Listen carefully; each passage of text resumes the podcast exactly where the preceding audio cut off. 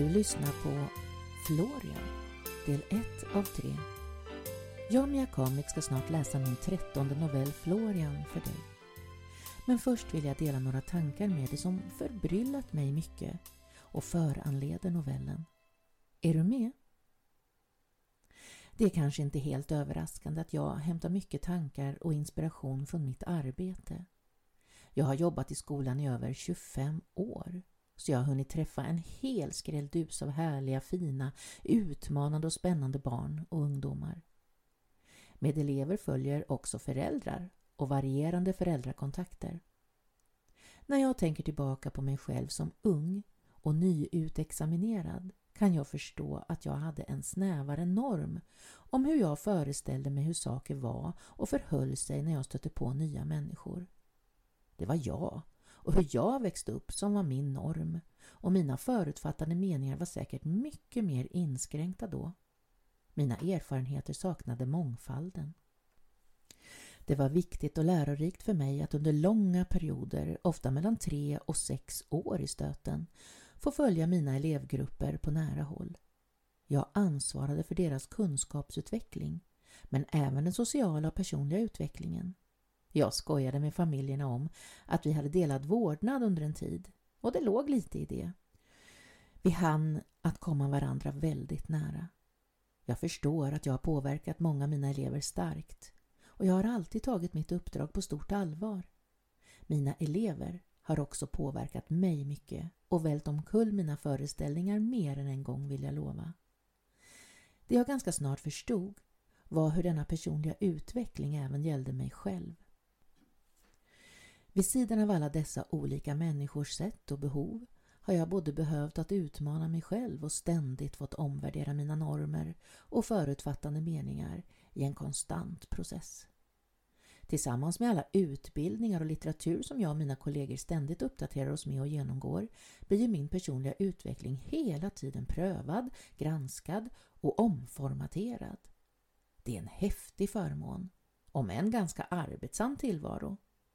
Jag kan också förstå att somliga andra yrken inte har samma förutsättningar och liknande utveckling, på ont och gott. Det har jag inte tänkt på så mycket tidigare. Somliga miljöer fastnar i genrer och kulturer som inte förändras av sig själva utan fortgår i samma lunk tills något kommer och sticker hål på bubblan. Då blir den nödvändiga förändringen snarare en konflikt eller ett hot. Gruppen blir utpekad och skammen bränner och kan framkalla trots. Goda förändringar tar lång tid och kräver tolerans och tålamod. Ett generationsskifte kanske, till och med. Jag kan se många sådana exempel, även om jag inte tänker peka ut några. Jag känner med den här gruppen och kan föreställa mig hur människor som indoktrinerats av en mentalitet och jargong under lång tid tappar både fotfäste och språk om trender i samhället hastigt vänder. Ingen och inget förändras över en natt, även om det går fort nu för tiden. Då är skillnaden stor i mitt skrå, där mina utmaningar aldrig är de samma och vikten av ett gott föredöme håller mig i tukt med tydliga förhållningsstrukturer. Vi behöver alltid ligga rätt i tiden och det är besvärligt att hänga med i svängarna kan jag vittna om. Det är inte alltid som det lyckas tillräckligt bra heller. Vi i skolan har många ögon på oss och jag som enskild individ kan få personifiera skolan som institution både nu och i alla tider. Alla har någon slags relation till skolan och jag är ju skolan. Som tur är så är tonläget oftast positivt. Jag och det mina är lika präglade av vårt som alla andra olika yrkesgrupper och intressegrupper är av sitt. Visst är det spännande? Lägg sedan till samhällets snabba skiftningar och de generationsväxlingar som följer med dem. Förutsättningar förändras snabbare nu i den moderna tiden och effekterna av det visar sig för mig varje gång jag tar emot en ny årskurs i skolan. Såklart gör sig trender och ny teknik även sig påminda. Även det på ont och gott. Det kan lätt bli lite haltande när gammalt och nytt ska mötas och fogas samman. Så har det alltid varit. Men tempot och trycket på våra hjärnor är ett annat intensivare nu. Inte alltid förenat med våra gamla stenålderskroppar. Vi går inte att uppdatera lika lätt som en dator. Det blir konsekvenser. Fast trots att det är stora skillnader på skolan idag och för 20 år sedan, eller från den tiden då jag själv gick i skolan, så finns det också många likheter. De rent mänskliga och sociala mekanismerna som jag kan se i en grupp stöter jag på om och om igen. Jag har sett och upplevt det genom åren och det fascinerar mig. Särskilt ondskan. De allra flesta barn är tydliga att läsa av. Det som fattas dem och orsakar problem kan vi vuxna försöka kompensera för. Hemmet har såklart enormt stor påverkan och åsikter och beteenden blir djupt rotade. Det är alltid lättare att arbeta med en problematik om skolan och hemmet strävar åt samma håll och har samsyn och överensstämmande värderingar. Mycket svårare om vi inte har det. Vår svenska lagstiftning och mina styrdokument binder mig till en tydlig värdegrund som jag till stor del delar och ställer mig bakom. Alla i samhället gör inte det. Åsikterna är många och olika och går ibland isär. Vi har åsiktsfrihet och vi får tro på vad vi vill. Yttrandefriheten är jätteviktig. Men samtidigt har vi såklart nolltolerans på kränkande behandling. Att tycka saker inom sig själv kan ingen ta ifrån någon. Men handla och agera så andra blir påverkade får vi inte göra. Då blir det konsekvenser igen. Barn kommer ibland i kläm där. Åsikterna är tydliga hemma runt det egna matbordet. Barnen snappar upp, påverkas och indoktrineras av det. Hur familjemedlemmarna löser konflikter blir också tydligt för oss i skolan. Språkbruk är ett annat exempel. Tider, livspussel, intressen, umgänge, matbruk med mycket mera. Individualismen med jaget i spetsen, vad hen vill eller inte vill är starka faktorer som vi jobbar med och emot. I sådana här exempel har vi inte alltid samsyn. När jag ibland möter ett oönskat beteende är det viktigt att jag inte bara tvingar bort det med min auktoritet utan försöker förstå den bakomliggande orsaken till det. Annars är risken stor att jag inte förändrar beteendet alls utan bara lär individen att dölja det bättre. Det finns inga regler att luta sig mot här har jag lärt mig. Om ett barn slåss när det kommer i affekt behöver det inte betyda att det förekommer våld i hemmet, men det kan göra det. Precis som jag har pratat om tidigare också, så förändras enligt mig ett beteende bäst i en trygg miljö där förståelsen varför beteendet inte gynnar individen själv är det bästa. Personligen anser jag inte att någon blir en bättre människa av skäll, straff eller hot. Jag kan använda uttrycket om eleven känner sig färdigskälld och klar. Ler personen mot mig då har vi ofta ett samförstånd och eleven känner att vi är på samma sida. Jag som vuxen är på barnets lag. Det värsta måste i mina ögon vara motsatsen. Att känna sig ensam och övergiven med sin skam över att ha gjort fel. Uselt för både självförtroendet och viljan att göra rätt i fortsättningen. Det är så här jag även tror att beteendeskiften för vuxna ska kommas åt. Nu är det inte brott jag menar, utan oönskat beteende. Ett av mina bästa arbetsredskap är ögonkontakt och ett välmenat leende. Det kan öppna dörrar och flytta berg, få stormar att mojna och fult att bli fint. Hör!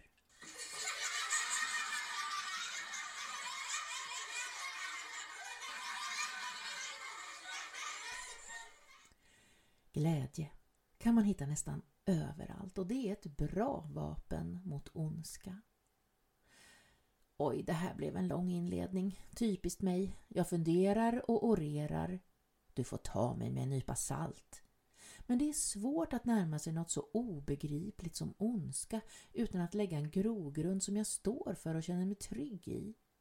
Det är också som tur är ganska ovanligt med utstuderad och planerad ondska. Tyvärr behövs det inte mycket för att skapa stor oreda. Det är som att mot allt sitt förstånd klä på sig vita kläder.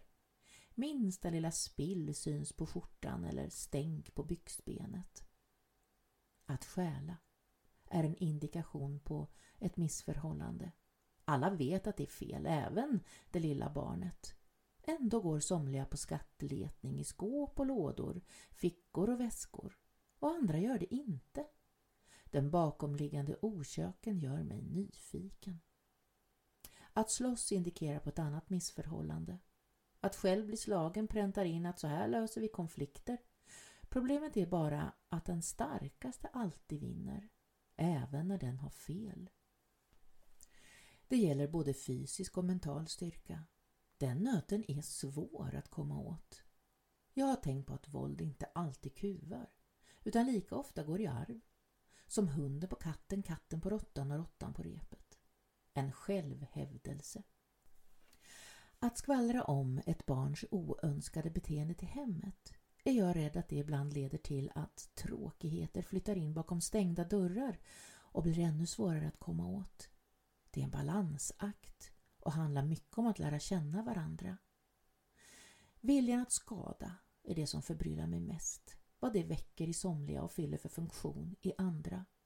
Jag hör elakheter rent muntligt, på skolgården eller i matsalen då och då. Jag kan inte låta bli att undra hur en liten person kan bli så träffsäkert svarvad på vad den ska säga för att göra mest skada. Vem den ska välja ut att attackera och hur de kan använda kroppsspråket så grymt i det tysta. Vi skolar inte barnen i härskarteknik eller penalism. Ändå är många otroligt duktiga på det redan i unga år. Är ett barn väldigt hårt hållet hemma behöver det såklart pröva sina vingar någon annanstans. Skolan är ändå en trygg plats. Blir de utsatta för förtryck känner de kanske sig bekräftade när de trycker ner andra. Ett bra sätt att själv känna sig duglig är att hitta fel på andra. Allt det där känner vi igen, men ren och skär ondska, hur föds den? Orkar jag ens rota i det? Vi kan lyssna till musiken som jag skrivit till Florian för att samla lite kraft och att gå vidare. Hoppas du ska tycka om den.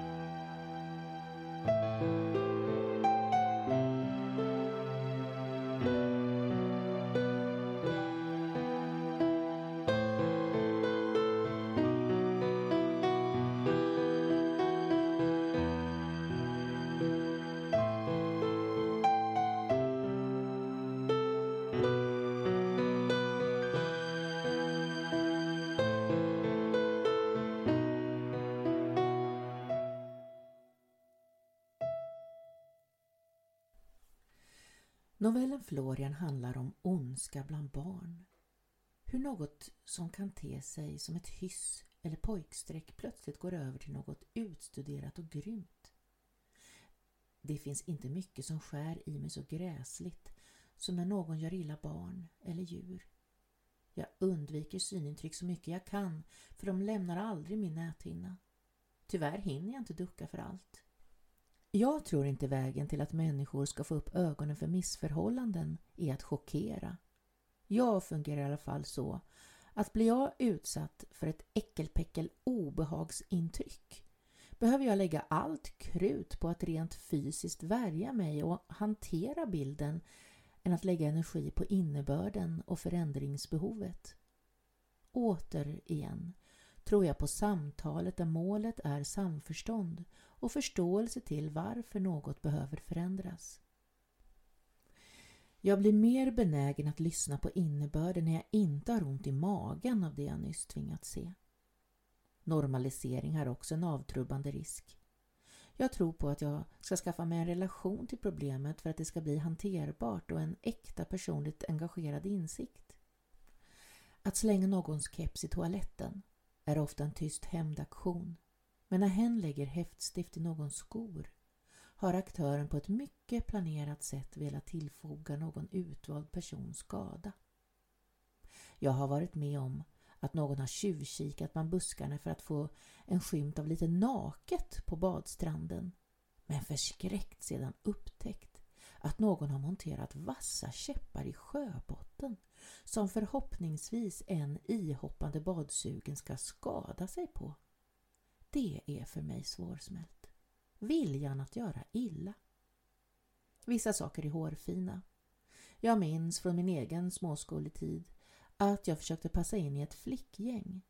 Ledarprofilen beslutade mycket dominant att vi alla skulle ha skarfser på oss. Det fanns flera färger men ingen fick ha samma. Ledarflickan valde själv rosa. Den ansågs som den finaste. Därefter rangordnades de i popularitetsordning och gul blev över till mig. Jag har ingenting emot gult. Rosa har aldrig varit en favoritfärg för mig. Det är grönt. Men det var inte poängen. Poängen var att det fanns en gängse norm och då var rosa fint och gult fult. Det var en markör om rang och den var elak.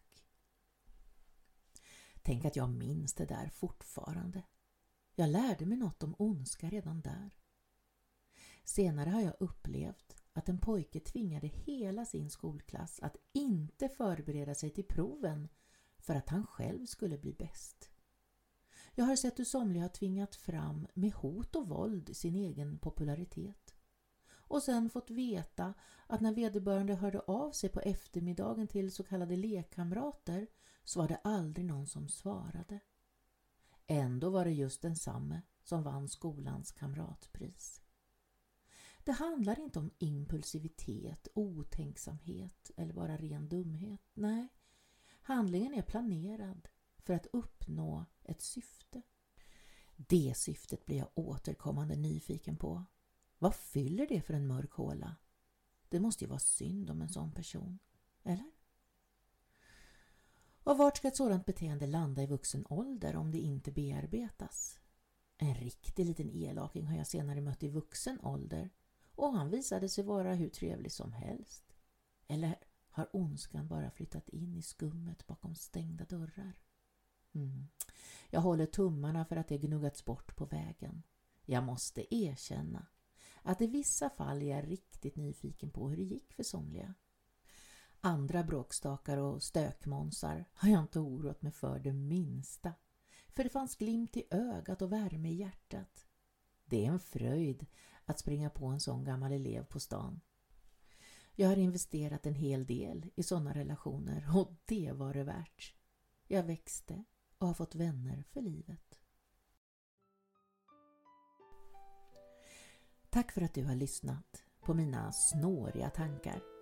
I nästa avsnitt läser jag novellen Florian så får du fundera vidare själv eller låta bli. Ta hand om dig nu tills vi hörs igen. Hälsningar från mig, Mia Kamitz.